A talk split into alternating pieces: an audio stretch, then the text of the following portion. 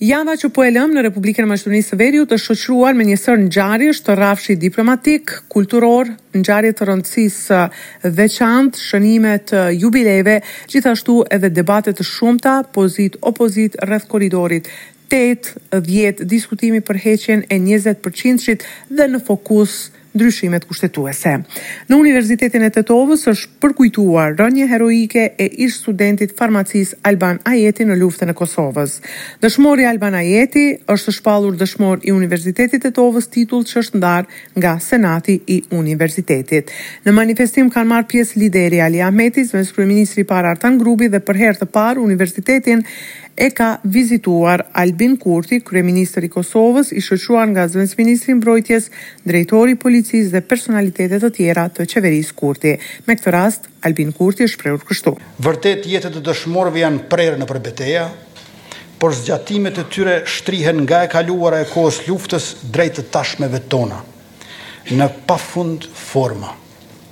Sikur sot këtu në Tetovë që jemi mbledhur ta kujtojmë veprën e Alban Ajetit, studentit të Universitetit të Tetovës, poetit kronist nga Gjilani dhe pëllumbit dëshmor të UÇK-së. Njëmend Albani nuk arriti t'i përmbyllte studimet për farmaci dhe nuk arriti të merrte diplomë nga Universiteti i Tetovës, sepse koha ia kërkoi që statusin e studentit ta këmbente me atë të luftëtarit të lirisë. Por, pikërisht duke luftuar për lirinë e Kosovës, ai e mori diplomën e Dëshmorit të Kombit, diplomë që asnjë universitet në botë nuk mund ta lëshojë, e të cilën Albani e mori nën emblemën e UÇK-së. Është pikërisht kjo diferencë ajo që e bën historinë dhe ajo që na ka mbledhur neve bashkë sot këtu, për të kujtuar Albanin dhe shokët e tij në armë. Natyrisht që nuk është rastësi që edhe ky universitet i juaji e i yni, ku erdhi Albani, është nisur e ngritur me shumë sakrifica e gjak dëshmorësh. Kryeministri i Kosovës pas pjesëmarrjes në manifestimin e Universitetit Tetovës, vizitën e ka vazhduar në Komunën e Tetovës, ku është takuar me kryetarin Bilall Kasami, me cilin ka biseduar për thellimin e mëtejmë të bashkëpunimit në mes të dy vendeve, si dhe shtimin e bashkëpunimit në nivel lokal me komunat e Republikës së Kosovës.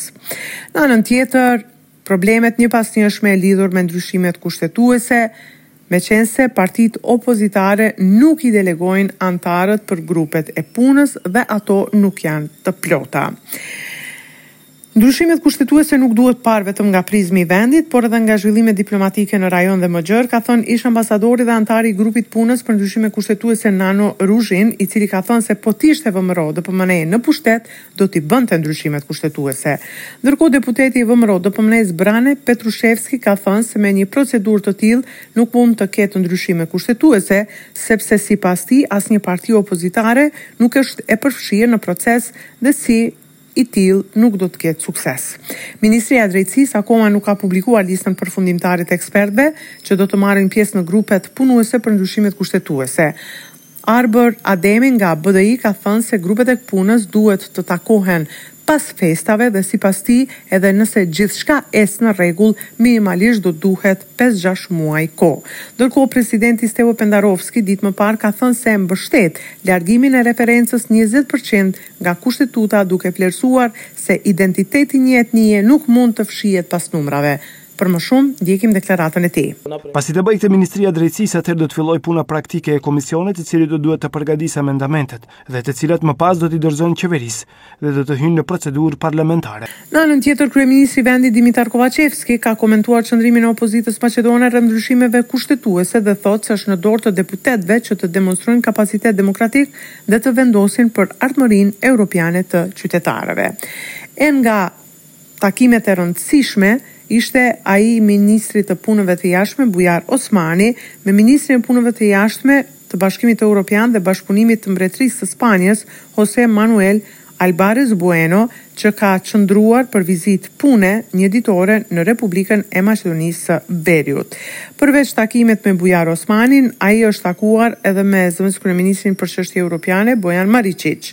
Krahas marrëdhënieve bilaterale midis dy vendeve, në fokus të bisedimeve ishte përshpejtimi i procesit të anëtarësimit në Bashkimin Europian, në dritën e presidencës së ardhshme të Spanjës me Këshillin e Bashkimit Europian në gjysmën e dytë të vitit. Në këtë drejtim është planifikuar nënshkrim i memorandumit dypalësh i mirëkuptimit për zhvillimin e bashkëpunimit në procesin e anëtarësimit në Bashkimin Europian.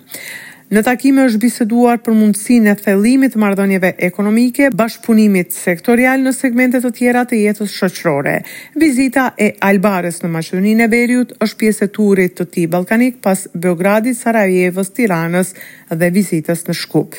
Ministria e Punëve të Jashtme spanjolle ka kumtuar se Albares vjen në Ballkan për të transmetuar interesimin e Madridit për vendet e rajonit dhe të paralajmërojë se Spanja pasi të marrë presidencën e me Bashkimin Europian më një korrik, do t'i mbështesë përpjekjet e të gjitha vendeve për t'iu bashkuar familjes së madhe europiane.